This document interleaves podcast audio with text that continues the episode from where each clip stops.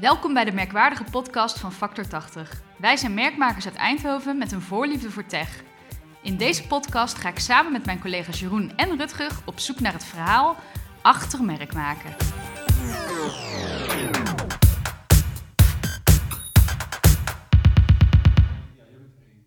Ben ik één? Ja, nu gaat hij harder. Ja, ja, ja, ja. Breakie, breakie. Maar, wat? Attention! Ja, is dat hartstikke goed. Ik hoor alles perfect. Ik zal wel zorgen dat ik... Nou, dicht heb.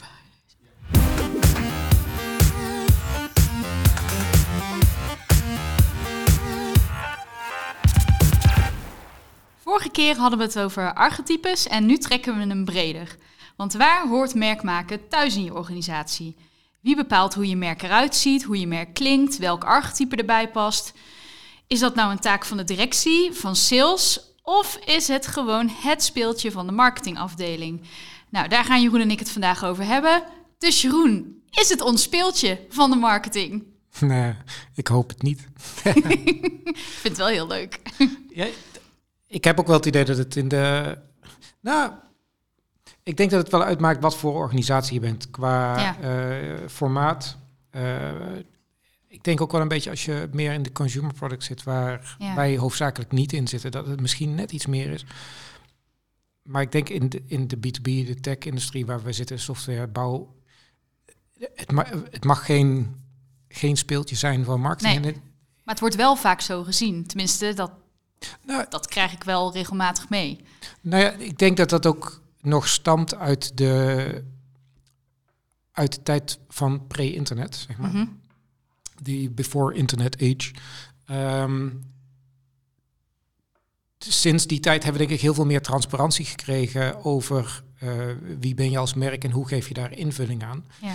Ehm, maar ik denk dat eigenlijk alle mensintensieve eh, organisatie, organisaties Mhm. Ehm, mag het merk geen speeltje zijn van marketing. Want Nee. je, moet, je moet met je hele organisatie moet je die belofte die je met een merk doet, Mhm. eh, die moet je waarmaken aan de ene kant. Ehm, en hem ook uitdragen. Ook als je de belofte, als je de belofte doet. En dat doe je ook met z'n allen als team. Ja. Ehm, we hebben daar, eh, toen ik opleiding deed, eh, ook wel eens discussie over gehad. Als je gaat kijken naar Unilever, waar toen de tijd Dove en Axe, Ja. Bij wijze van spreken op dezelfde afdeling, Ja, de of misschien bekende een, eh, voorbeelden, de, ja. de bekende voorbeelden, zo van ja, die, die pasten absoluut niet bij elkaar. En ik denk Nee. dat dat steeds minder kan vanwege de steeds meer transparantie die, die, die de, de, de consument verwacht van het merk. Ja. Maar ehm, nou ja, in, in een. eh, dus daar in de consumentenwereld wordt het steeds minder. En ik denk dat het in de, de, de B2B en de, de mensintensieve organisaties het altijd is geweest dat het heel veel meer is dan ehm, het speeltje van marketing. Ja, maar als je dan kijkt naar het meest perfecte scenario, waar zit dan de verantwoordelijkheid voor je merk in de organisatie? Niet alleen bij marketing dan. Nee, kijk, in principe zou die moeten zitten bij, bij de directie of een directie. eh, Maar hij moet net zo hard zitten in, in eh, alle lagen van de organisatie als verantwoordelijkheid, maar niet als eindverantwoordelijkheid. Nee. Ik denk dat, dat, dat marketing met zijn creatieve achtergrond, met zijn innovatieve achtergrond over het algemeen de beste plek is om eh, de aansturende, bijsturende, de sturende rol te hebben. Maar in principe zou het de verantwoordelijkheid moeten zijn van de, de directiekamer. Om het, Mhm. Ik vind het altijd een beetje een vies woord, de directiekamer. Dat is alsof het in een ivoren toren is. En dat vind Ja. ik juist niet van belang. Maar waarom dan per se bij de directie? Want als jij zegt eerst Nou- iedereen is verantwoordelijk, maar dan... Nou, ik, ik vind dat die wel gedragen moet worden door, Ja. de, door de directie om Ja. de, eh, de belangrijkheid van het onderwerp Ja. te benadrukken. Ja, dat het niet alleen een speeltje van marketing is. Ja. Ik kan me nog herinneren dat ik ergens bij een eh, directielid eh, kwam voor een bepaalde marketingcampagne. En hij zei letterlijk, ja, dat is allemaal leuk hoor, wat jullie contentmeisjes doen. Maar ja, uiteindelijk gaat het mij om harde pegels en ik zie er nooit wat van terug, die campagnes die jullie voeren. En dan wordt het ook een beetje gedownplayed als een speeltje van marketing. Ehm, Ja, Dus het is inderdaad wel goed dat de directie daar eh ja, en, gaat eh, dragen. Kijk, Ja. wat, wat denk ik wat, wat je jezelf als ultieme doel zou moeten stellen met een sterk merk. Mhm. Ehm, dat je, waarvan ik ervan uitga dat, dat een sterk merk is voor een deel owned media, want je, het is van jezelf, Ja. het is je eigen ik, waardoor je veel meer earned krijgt Mhm. en dat je minder paid nodig hebt. En ik ga er dus vanuit dat als je een sterk merk ontwikkelt, waarmee je ehm, die herkenbaarheid en die erkenning bij je klant en bij de markt hebt, Ja. dat je uiteindelijk minder betaalde media nodig zult hebben. Mhm. eh, dus waar marketing hoofdzakelijk verantwoordelijk voor is, Ja. Om klanten te blijven trekken. Ja.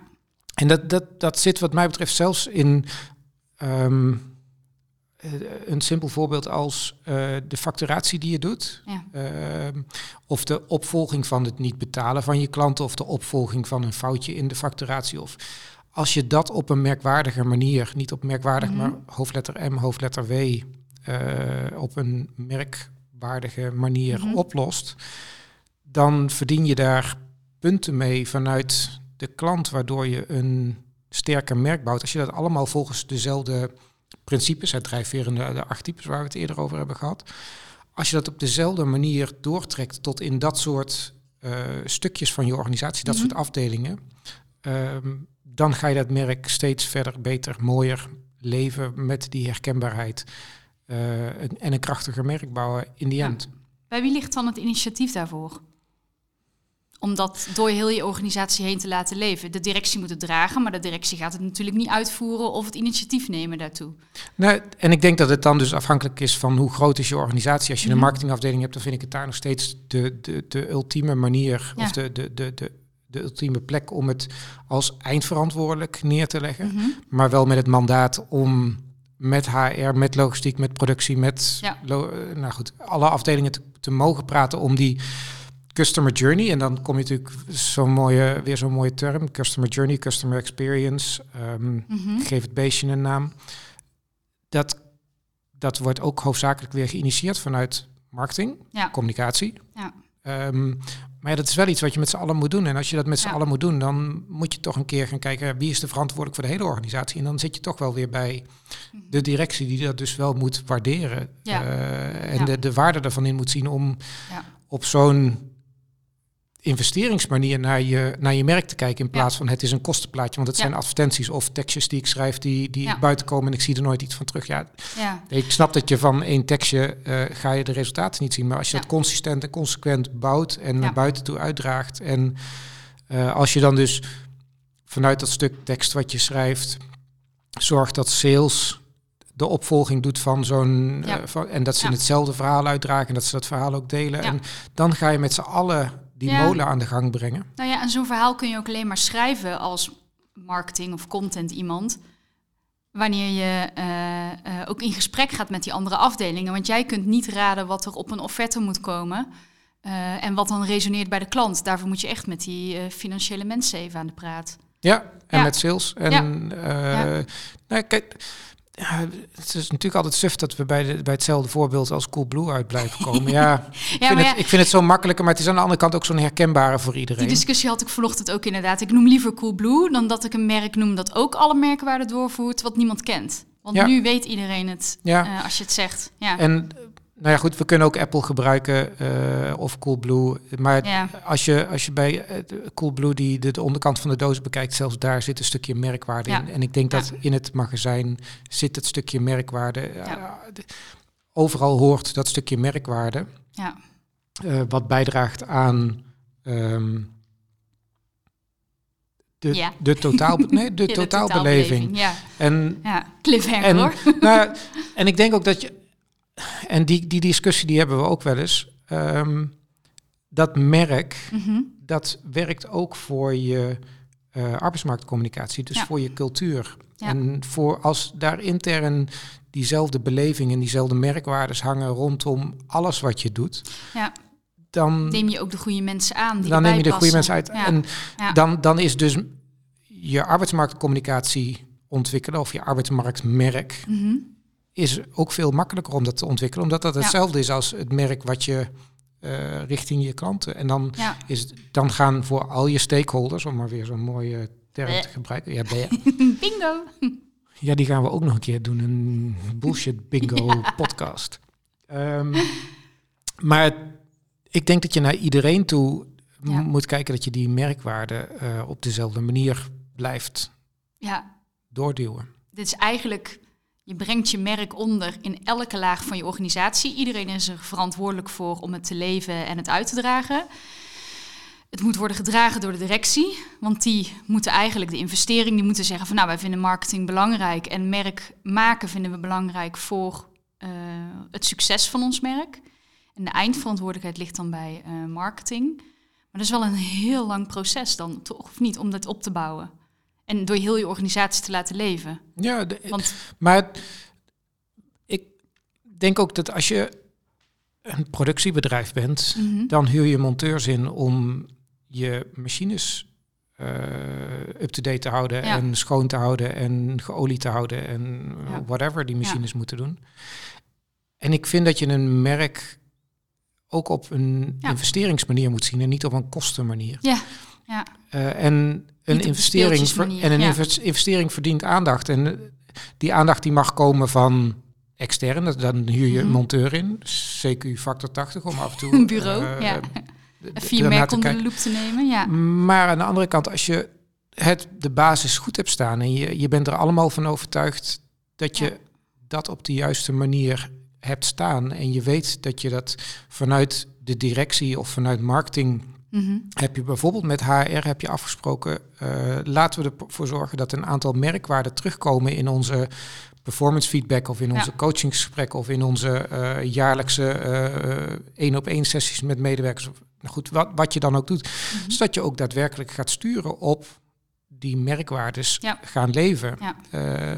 Dus je moet het integraal doen. Of, en anders blijft het voor een heel groot gedeelte een speeltje van ja. marketing. En is het Ja. gewoon een leuk, eh, leuk stickertje op de, op de voordeur. ja, en eigenlijk is dus dan merk maken ehm, in je organisatie en het beleven ook een, ja, een soort cultuur. Je maakt een cultuur of je, de, nee, je maakt het niet. Nou ja, Je je, creëert een je cultuur, investeert in een cultuur. Ja. En ik denk dat je een cultuur eh, heel moeilijk aan of uit kunt zetten. Je Ja. kunt hem ook heel moeilijk zeggen van oké, maar morgen zijn Ja. we, eh, gaan we iets anders doen. Dus Ja. eh, dat, dan, dan ga je richting change management. En dan dat is gewoon lange, lange processen, lang bouwen. En ehm, het is, je, je moet een plekje veroveren in de, de hersenpan van zowel je eigen mensen Ja. Als van ehm, je klanten. Je verwacht daarbij van je interne mensen een stuk gedrag. Misschien soms verandering Mhm. of versterking. En ja, kijk eens naar jezelf. Hoe moeilijk is het om jezelf, je eigen gedrag te veranderen? Ja, ja. En dan ga je dus van andere mensen verwachten dat ze eh, door Ja. een leuke workshop of eventjes een sessie doen, dat dat, dat gedrag gaat veranderen. Ja. Maar dat lukt niet. Dat is Nee, gewoon. Die cultuur zit vaak al ingebakken. Dat zit Ja. deels ingebakken. En als je daar focus op wil aanbrengen, Ja. dan zul je daarin moeten in, weer investeren. Ja. Om ervoor te zorgen dat je dat sterke merk ontwikkelt, wat herkend wordt in de markt. En, Met wat, een sterke cultuur dan. en dus wat een sterke cultuur hebben. Ik denk echt dat die twee een soort van intertwined Ja. eh, samenwerking hebben, eh, invloed hebben op elkaar, zeker een resultaat zijn van elkaar. Ehm, Ja, dat vind ik eh, een heel... Want jij je gaat al bijna los. ja, sorry. Dat vind ik een heel interessant onderwerp voor, eh, voor de volgende podcast. Dus de volgende podcast gaan wij het hebben over eh, merk en cultuur, hoe die zich tot elkaar verhouden. Eh, ja, waar, waar dan die intertwinning zit. Lijkt me een, een- Yes. een goed plan. Nou, Rutger, cue, eindmuziekje.